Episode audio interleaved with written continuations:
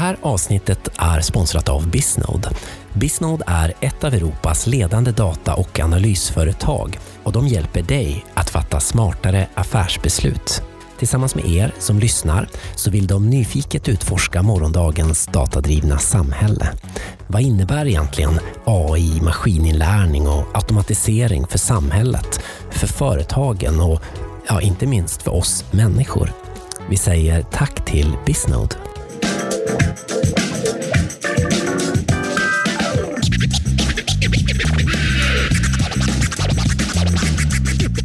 Borde bli den 18, eh, den 18 globala målsättningen. Mm. Det skulle verkligen potentiellt kunna sätta Absolut. Sverige på, på kartan. Eh, för där har vi väldigt mycket eh, kraft.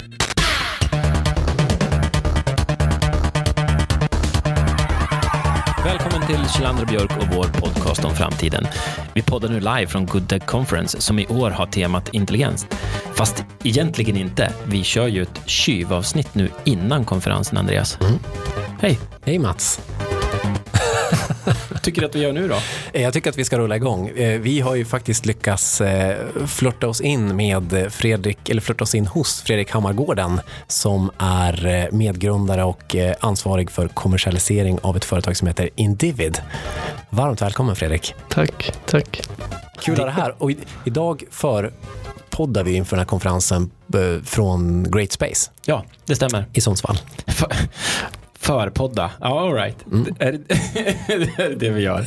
Det är väl ett nytt ord då i akademins ordlista från och med nästa år. Du Fredrik, det här är inte för, första podden som du har varit med i. Eh, Jag lyssnade ju faktiskt när du var på eh, Privacy-podden. Eh, Jättespännande. Och risken är ju då att vi pratar privacy även idag. Ju- Just eftersom Individ gör vad då? Alltså, Individ är ju en privacy-innovation. Mm. Så på det sättet så blir det oundvikligt. Ja, jag, tänk, jag tänker så. eh, eh, men konkret då, för, för de som då inte har eh, kommit i kontakt med er verksamhet. Vi, kan väl starta där och så kan vi väl prata lite grann om dig och så pratar vi lite framtid och naturligtvis lite intelligens sen, tänker jag. Vad är, vad är Individ som koncept liksom? Ja, alltså, Individ är ju, om man, om man ska bara enkelt förklara det, så det, är ett, en ny typ av ansiktsigenkänning som vi kallar då anonymiserad ansiktsigenkänning. Just det. Och skillnaden är väl det som är intressant att prata om, att vi till skillnad från traditionell ansi- ansiktsigenkänning inte behandlar biometrisk data Mm. eller sparar personuppgifter och ändå kan vi få ut värdet som ja, butiker primärt är intresserade av som återbesöksfrekvens som har varit väldigt omdebatterat. Just det, just det. Så eh, jag, jag hoppar, fortsätter och, och, och grinda koncept här då. Biometrisk data är, Biometrisk data, det är alltså data som ett fingeravtryck, likadant. likadant som, alltså från ett ansikte kan du få ut det likadant som fingeravtryck. Som, som data som direkt kan kopplas till en fysiskt levande person. just det.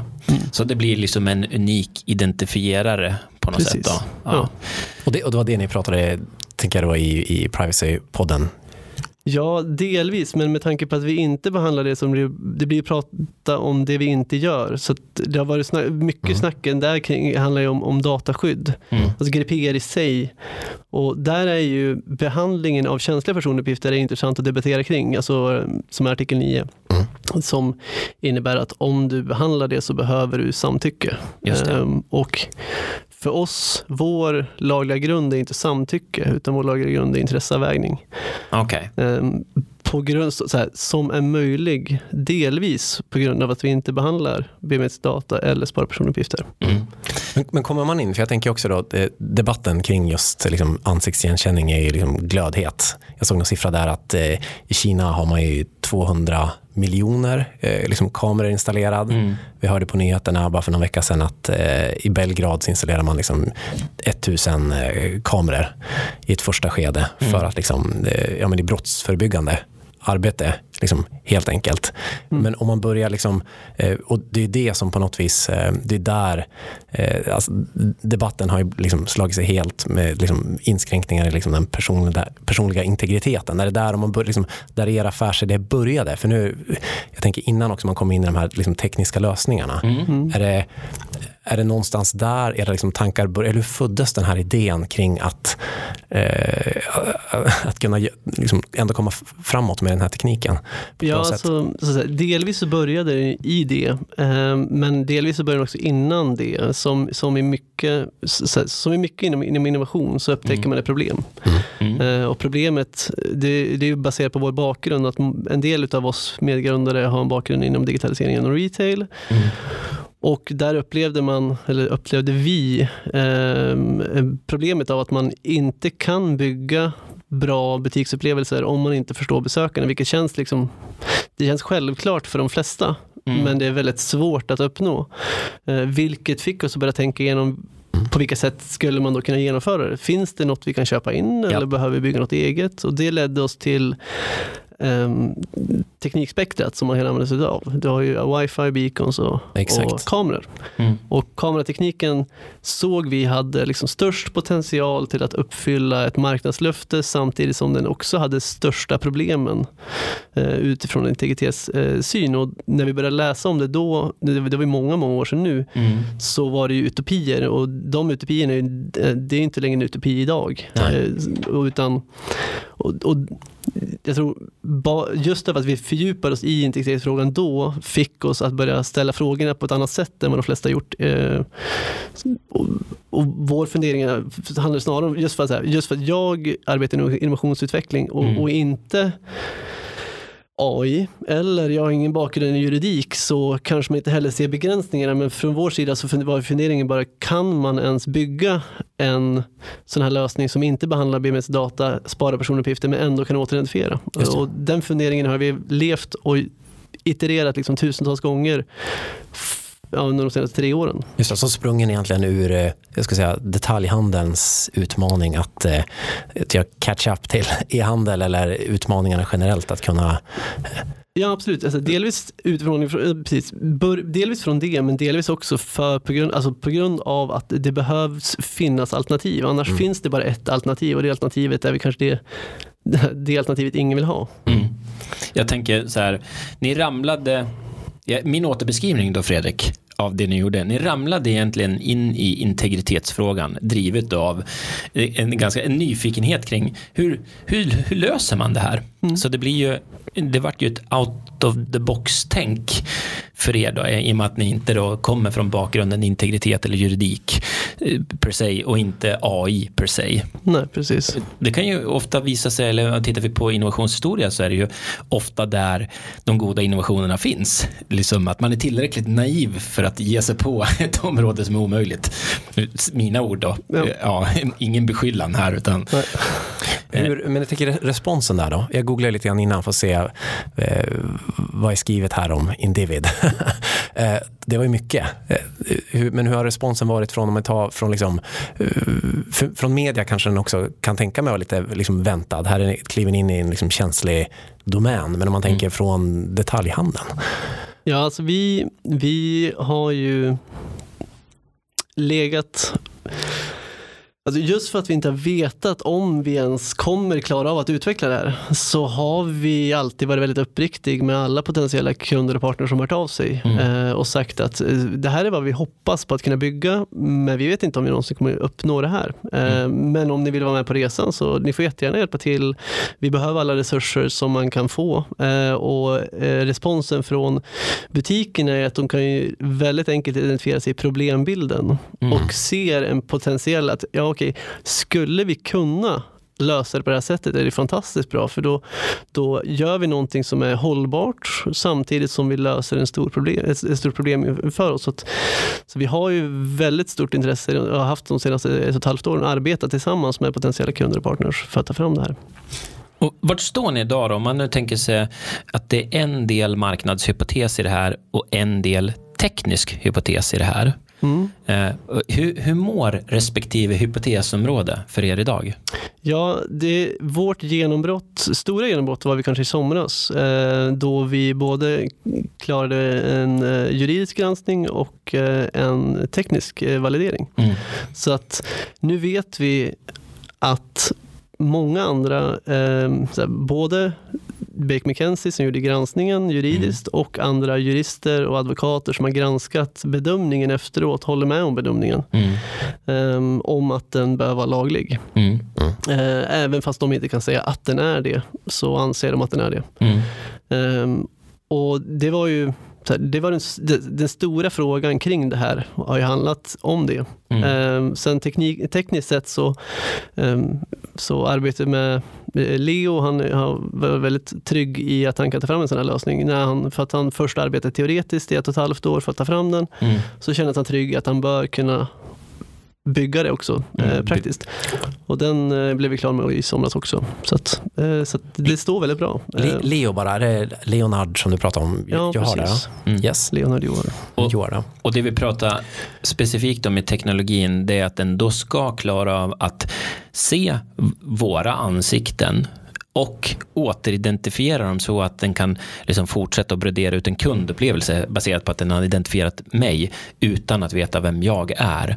Det, det är det som är hela, hela grejen med det. Precis. Så den ska spara mönster av ansikten utan att länka det till en, en juridisk person. Eh, Ja, Till en så, fysisk fast så här, person, så här, både eller? ja och nej. För, för, för, här, tekniken i sig Tekniken i sig anonymiserar en bild. Och en Mm. bild i sig är en personuppgift. Och den bilden har, alltså där, där, där, I den anonymiseringsprocessen som, som visserligen bara tar en till två millisekunder Mm. så, så händer det otroligt mycket saker Mm. liksom, i ett neuralt nätverk. Slutprodukten som kommer ut är inte baserat på den fysiska personen. nej. Det är en slumpmässig metod Mm. som sen i slutändan blir en datapunkt som vi kan använda för statistik som inte i sig är kopplat till en fysiskt levande person, direkt eller indirekt. Just det. Så det, det, det, det, är mer, det är mer komplext Även fast det kanske inte heller är så superkomplext om man Nej. väl kan förklara allt. Men nu kan vi inte riktigt förklara allt. Nej. Och det är det som är en del av utmaningen eh, rent kommunikativt. Ja, jag förstår det. För, för jag tyckte jag, jag, du hör här vad jag tar för roll. Att jag försöker liksom grunda koncepten. Ja. Ja, och, eh, men, eh, men all right. Vi, vi, om, vi, om vi leker med tanken då att, för just nu, om jag har förstått det, det vi har pratat om innan också, det är att retail har uttryckt störst intresse för den här teknologin. Eh, ganska naturligt, gissningsvis kopplat till deras utmaningar i branschen då. Precis. Vad, vad ser du själv då? Eh, och då får vi tänka er lyssnare, ni får måla en bild av, en, av att det här fungerar helt enkelt. Vad ser, du för, vad ser du för fler, vad pratar ni om för fler områden som kan dra nytta av det här värdet som ni, som ni jobbar mot? Ja, alltså, det det handlar om för oss är att förstå övergripande så här, trender och beteenden Mm. kring populationer. Och det, så här, det blir väldigt akademiskt, liksom. Mm. men jag har inte kommit på några bättre förklar- förklaringar än så länge. Men alltså, och det finns ju massa andra applikationsområden där man kan tänka sig att det skulle kunna funka. Mm. Eh, och vissa områden där man kan tänka sig att det skulle kunna funka, men det kan man tankevurpa av att tänka sig att det skulle kunna funka där. Ja. Eh, som till exempel vissa ställen, och det har vi ju sett väldigt, väldigt tydligt eh, med Skellefteå skola Mm. eh, ja, till exempel. just det. Där, Det var de som fick böta för att de tog liksom, var det ansiktsigenkänning för att kolla närvaron ja men exakt. på eleverna. Och nu är deras teknik som de använder sig av här, helt annat än tekniken som vi har tagit fram som är Mm. anonymiserad. Mm. Men ändå, så själva platsen och förhållandet mellan alltså, miljön som, som, som personer befinner i så kan man missbruka även trender och statistik. Mm. Ehm, Absolut. Du kan ju driva en skola på ett helt annat sätt med sådana här insikter. Även om det inte var syftet Mm. så öppnar det upp möjligheterna till att det skulle kunna ske. Och så att områden som kan vara intressant för oss skulle till exempel kunna vara trygghetssystem där man kan se statistik bara över liksom olyckor till exempel i, Mm. en stad, i, i en stad eller det kan vara ja, men, potentiella liksom, inbrottstrender som man kan se mycket mer detaljerat så att man vet så här hotspots Mm, där man kanske behöver lägga fokus. Mm. Eh, Det är någonting som skulle Mm. kunna vara möjligt. Det, det känns ju också som att, som med all teknik, att det, vi kan använda den på, liksom, på ett bra och dåligt sätt. Jag Mm. tänker själv, just själva liksom, eh, att använda ansiktsigenkänning för att eh, skulle, man vilja, skulle jag vilja att man använde den tekniken för att hitta något av mina barn om de försvann? Mm. Liksom, definitivt. Eh, man vill ju på något vis liksom men det finns ju bra och dåliga appliceringar av det här. Jag ser värdet av den i min telefon. Mm. Jag slipper knappa in den här koden eller jag slipper till och med lägga mitt, min tumme mot. Alltså alla vinner ju på något vis på att det blir en bra upplevelse för alla. Jag ser nu de här, eh, vi pratade om det precis innan här, demonstrationerna här i Hongkong där man de s- står där med liksom gröna laserpekare på de här kamerorna för att de inte ska, ja, men av rädsla för att bli identifierad. Mm. Eh, det är ju en dålig upplevelse liksom för mig som medborgare att liksom inte kunna uttrycka min, eh, eh, mitt missnöje för något. Nu försvarar absolut inte de som gör någonting olagligt här bara liksom för, för podden. Men, men, men att liksom i, i fredlig anda vara liksom identifierad. Eh, jag tänker att vi vinner ju på att det blir en bra upplevelse för alla. När tekniken ändå har de här liksom, fantastiska möjligheterna eh, som finns där. Jag tänker, eh, stora frågor då. Hur, hur ska vi inte inte skapa en framtid som, som baseras på den här teknologin? Den där är ju jätteknepig den här frågan.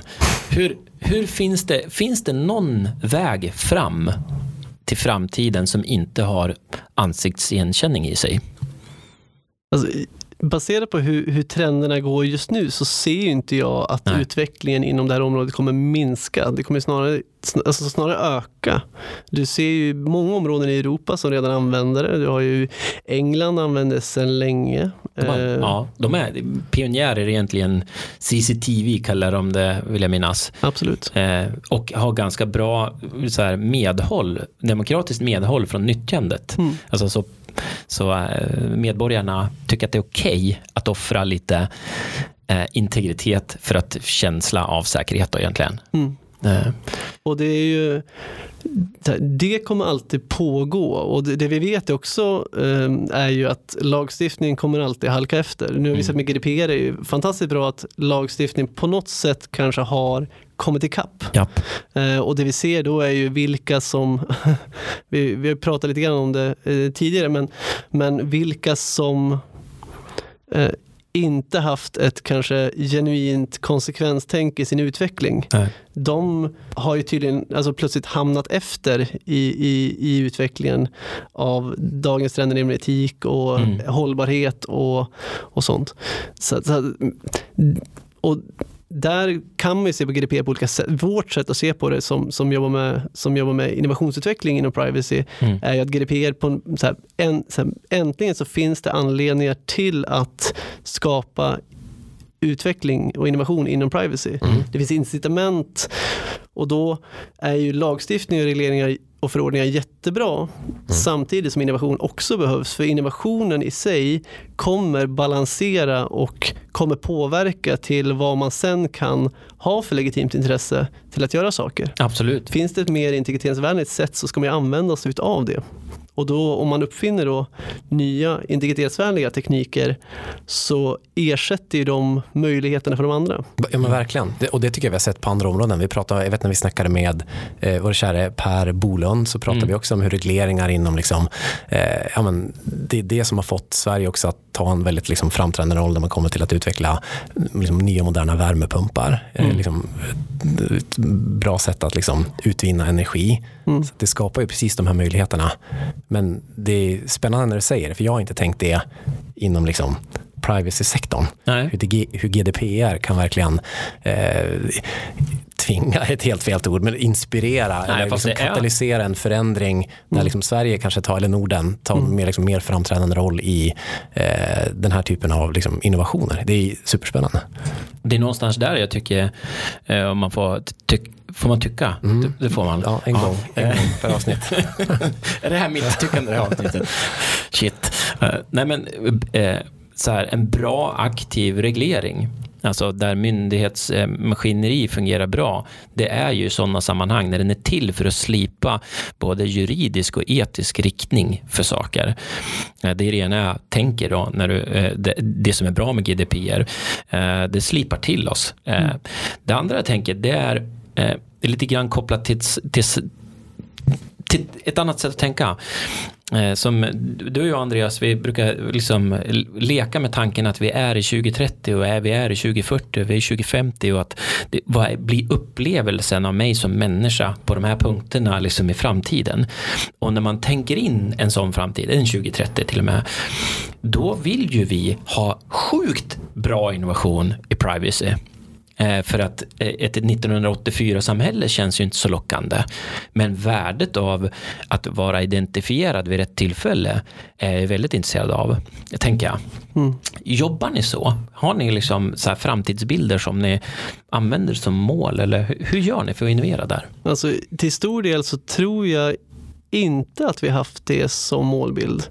Eh, jag tror vi mest har fokuserat på liksom de, de dystopiska bilderna av om sån här teknik normaliseras mm. i samhället mm. Ehm, som, som drivkraft till att försöka skapa någonting som kan få en, en, en liten, få teknikutvecklingen att ta en liten annan vinkel. Mm.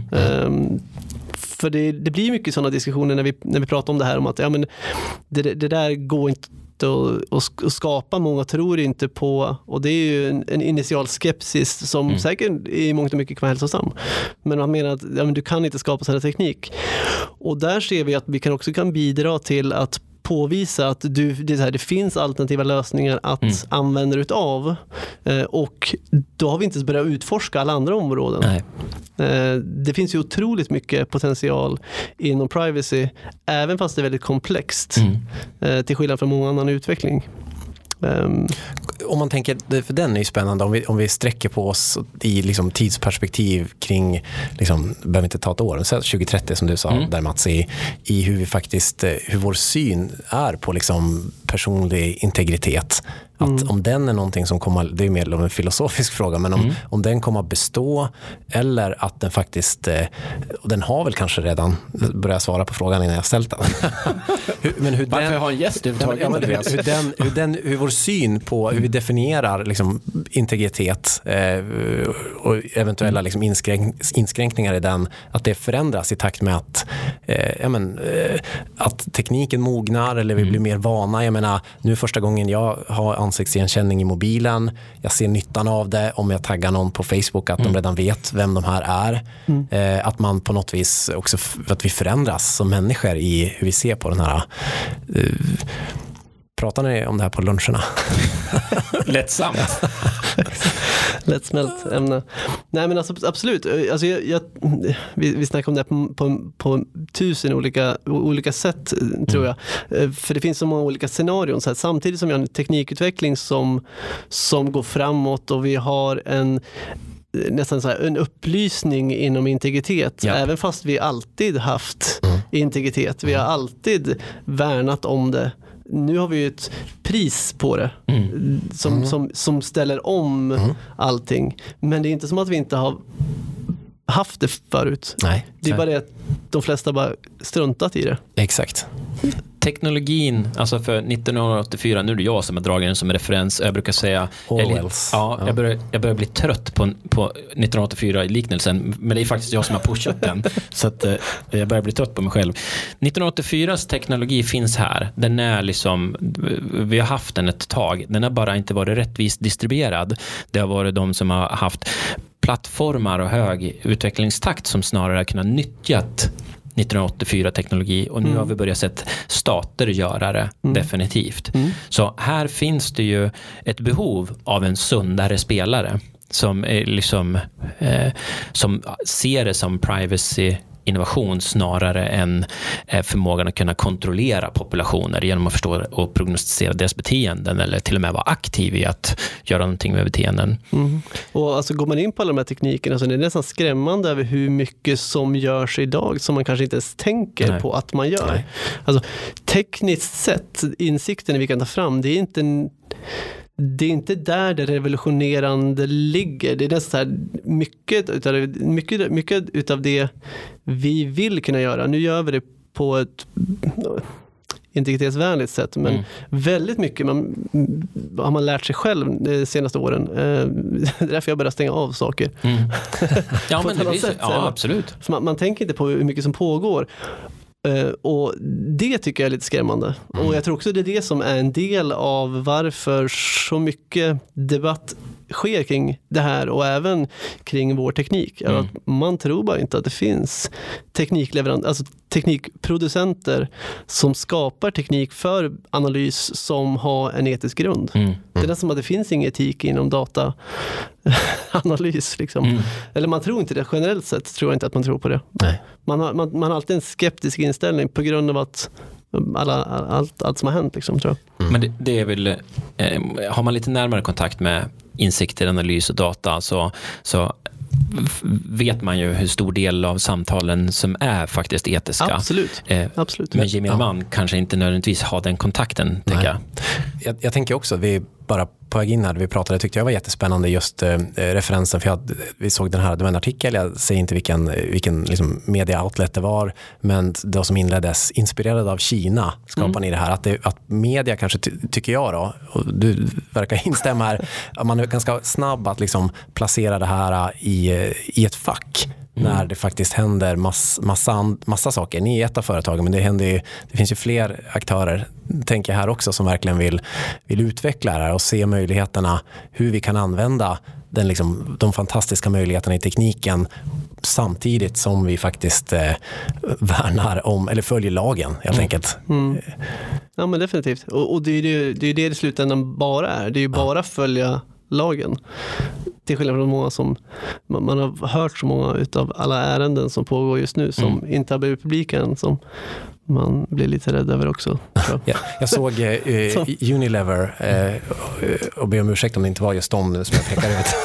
Innan du kastade dem under bussen. Ja. Eh, nej, men de, de testade en, en teknik då för ansiktsigenkänning för att liksom, eh, skanna då, eh, facet säga, på potentiella eh, medarbetare på rekryter. Mm. För att ta liksom, tempen på hur de liksom, ja, men hur ansiktet reagerar på olika frågor. Mm. Eh, och det var ju så här, får jag inte det här jobbet för att en, liksom, en AI inte gillar mitt ansikte? Nej. Mm. Det, är... Fast det är ju så här, eh, emotion mapping-grejen då mm. som är en, en, ganska gammal teknologi nu, att du kan länka ihop eh, eller som känslouttryck eller hur det manifesteras i ansiktet med en mm. känsla. Mm. Den, eh, om den används som verktyg så, kan du, så får du ju data på liksom kommunikation som du faktiskt inte ville släppa ifrån det. Mm. Alltså, eh, om vi tänker oss en rekryteringssituation, du kanske är mm. nervös och när du hör ett ord så reagerar du på ett visst sätt och så använder de det som underlag för rekrytering. Jag menar, det, är inte, det bygger ju inte mer förtroende mellan människor. Nej. Nej. Jag, jag tycker, nu, ty nu, tycker jag två gånger den här gången. Jag tycker det är dålig användning av teknologi. Man mm. kan använda det till annat. Ja, absolut. Eh. Vi ska ju faktiskt, förhoppningsvis nu under den här konferensen, jag är lite pusha för reklam längre fram, ska vi mm. faktiskt prata med eh, polisen och deras liksom, nya avdelning för cyberbrott. Ja. Det är mm. säkert, eh, jag tänker att vi, vi, vi, kan plocka upp det här ämnet ja. igen. Då. Absolut. Men det är svår balansgång det där alltså jättesvår balansgång över vad man... Här, vissa saker kan man, kanske man vill ha, men man vill bara ha det om det sker på de förutsättningar och premisser som man själv känner att man är trygg med. Mm. Um, det ska, väldigt svårt. Ska vi säga det, för nu, det här vart ju ett väldigt godtäckigt samtal då. Vi ville använda teknologi för att egentligen göra största möjliga nytta för största möjliga mängd i någon bemärkelse. Mm. Medelst liksom att bevara integritet. Uh, vi ska släppa dig vidare också Fredrik. Du ska få kriga vidare med, med Individ. Mm. Men några saker innan. Hur kommer hur kommer det bli vi är en framtidspodd. Vad, vad blir det av allt det här då? Måla en favoritbild av framtiden. Eh, vad som liksom blir signifikant med vår utveckling dit. lätt, lätt sån där avrundningsfråga. Ja, precis. Du tänker kopplat till Individ då? Eller Ja. tänker du Ja, generellt ja. sett inom teknikutveckling? Ja, vad, du, du, Alltså jag tror att det pågår, och jag hoppas det i alla fall, jag, jag hoppas att den här vågen av etik som vi har just nu i världen, som vi Mm. ser inte bara inom privacy eh, eller integritet, utan vi ser det inom miljö, inom hållbarhet, företags årsredovisningar ska väl bedömas på andra sätt än bara resultat. Jag hoppas att den, den fortsätter att ta ännu mer kraft. Mm. Ehm, det hoppas jag verkligen på. Ehm, och jag tror att, men det är nog för att man själv är en sucker för innovation och, och utveckling, att, att det drivs av eh, alla tillsammans i någon Mm. sorts coworking-aktigt, jag vet inte. Mm. För där, där, då kommer vi kunna hitta fler spännande områden där vi kan skapa bättre lösningar för, för, för samhället. Mm. Och jag hoppas att i, alltså, hela EU kan få den kraften. Mm. Vi, det är må- många gånger, jag tror ni också pratar om det där om, om eh, regleringarna stoppar teknisk utveckling. Jag för mig att ni har nämnt det Mm. på något samtal. Ja. Och många är ju rädd för att de här regleringarna eh, hindrar EU, till exempel ja, nu, kring GDPR, ja, hindrar det teknisk utveckling. Nej, och det som är intressant är att det finns ju möjligheter nu till att ta en ännu starkare position, skapa helt andra typer av tekniker som andra inte ens tänker på eller ens nästan kan tänka på eller ens bryr sig om. Mm. Ehm, tidigt fick vi frågor, så här, ja, men, eh, är Kina en marknad för er till exempel? Nej, de, det är inte en marknad för oss. För att, varför skulle de bry sig om anonymiseringstekniker? Mm. Men det kanske, det kanske, om den här etikvågen, säg att den skulle sprida sig globalt. GDPR har redan börjat sprida sig i sig Mm. till andra länder som har ärvt liksom, Praxis. Ja. Och- Mm. Då innebär det ju att EU och även Sverige, Sverige är väldigt tekniskt avancerat och i framkant inom Ja. må- mångt och mycket, skulle kunna ta en ännu starkare position plötsligt inom ett helt nytt, ett helt nytt skrå inom, Mm. inom innovation. Vilket är superspännande när alla andra kommer ikapp om Mm. att integriteten har ett värde. Verkligen. Det är spännande. Like, like på den. Eh, en- Bara en koppling, du refererade till tidigare diskussioner som Andreas och jag har haft och, eh, kopplat till faran med regleringar. Och det är väl framförallt kring upphov som, eh, som jag specifikt har varit upprörd. Just eftersom jag tycker Ja. att det är en gammal, en gammal det, det är regler till för att bevara ett gammalt affärsparadigm Mm. där centraliserad distribution av Brad Pitt eh, skulle vara mer värt än ett, en, en, en öppen distribution av Brad Pitt Mm. förmåga. Gud vad knepigt det där blev. Det är en mycket starkare ekonomi om den är distribuerad Mm. än om det är några få aktörer som distribuerar all underhållning. Mm. Och där tycker jag inte nödvändigtvis att reg- regleringarna nu har hjälpt oss framåt. Medan GDPR t- helt tvärtom en modern reglering. Mm. Eh, så mer sånt eh, från EU för att stimulera liksom, bättre ekonomi för oss alla. Rättvis, schysst ekonomi. Mm. Ja, men det var väl en bra framtidsbild. Den köper vi in på. Jag hoppas det. Är det någonting signifikant man ska ta med sig dit då, tycker du? Ja, Jag vet inte riktigt. Sitt, eh, sitt ansikte kanske. Ja, exakt. Nej, men eh, fan, kanske lite mod alltså. alltså Ja. Lite tryck. Ja. Eh, jag, jag, jag gillar, vi har pratat om det här, eh, du och Mats, Mm. eh, tidigare. Jag gillar, din, jag gillar din take om, och jag har tagit med den i många, många samtal. Mm. Jag har creddat dig för den. Ja, okej. Ja. Det här om att eh, privacy borde bli den 18, eh, den 18 globala målsättningen. Mm. Det skulle verkligen potentiellt kunna sätta Absolut. Sverige på, på kartan. Eh, för där har vi ju väldigt mycket eh, kraft. Fin- Det är svårt att realisera någon aspekt av social hållbarhet om, eh, om inte privacy är en del av det, Nej. tänker jag. Mm. Eh, Vi pratade ju med eh, vår ärkebiskop här, Antje Jackelén, som eh, sa att det, finns, det borde finnas en, en fjärde dimension av hållbarhet, ett andlig hållbarhet. Och kanske då en femte som då är privacy. Då får du en ännu starkare liksom ett ännu starkare argument med det där. Absolut, plus att det kommer få helt, för det är, som startup så nu drar vi en stor, stor stort problem på få resurser men, Mm. men plötsligt så får vi helt andra typer av resurser. Japp.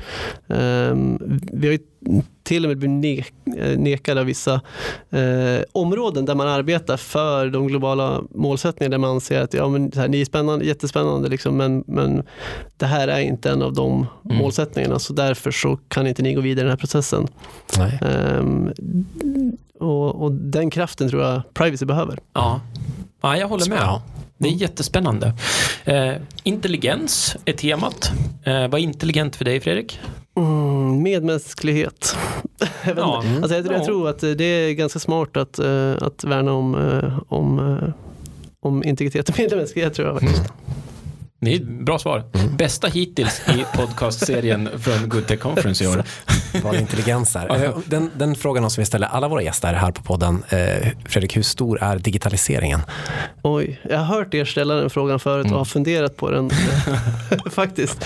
Eh, på vad det innebär, vad den frågan ens innebär. Jag, jag vet, inte, jag, jag, vet faktiskt inte hur stor den är. Men jag vet inte om den är större än, än, än, än, än än varje enskild person. Liksom. Men typ så här, större, är, den större, är digitaliseringen större än typ demokrati? Det vet jag inte riktigt. Nej. Um, men den är, den är större än, än mycket. Mm. det är bra. Det är bra. Jag, jag gillar ditt eh, försök att hitta referenspunkter liksom, med kända koncept. Ja. För digitalisering är ju faktiskt någonting som är någonting eh, nytt ja, mänskligheten. Jag tänker mig att och skulle det vara en duell, liksom, så här, om jag får mm. välja, om det är två stycken saker som man får ta, ja. här, tar jag mm. digitalisering eller, eller något annat? Vad skulle jag, när väljer jag bort digitaliseringen? Och det är nog upp på de nivåerna tror jag. Jag skulle nog definitivt välja demokrati för digitalisering.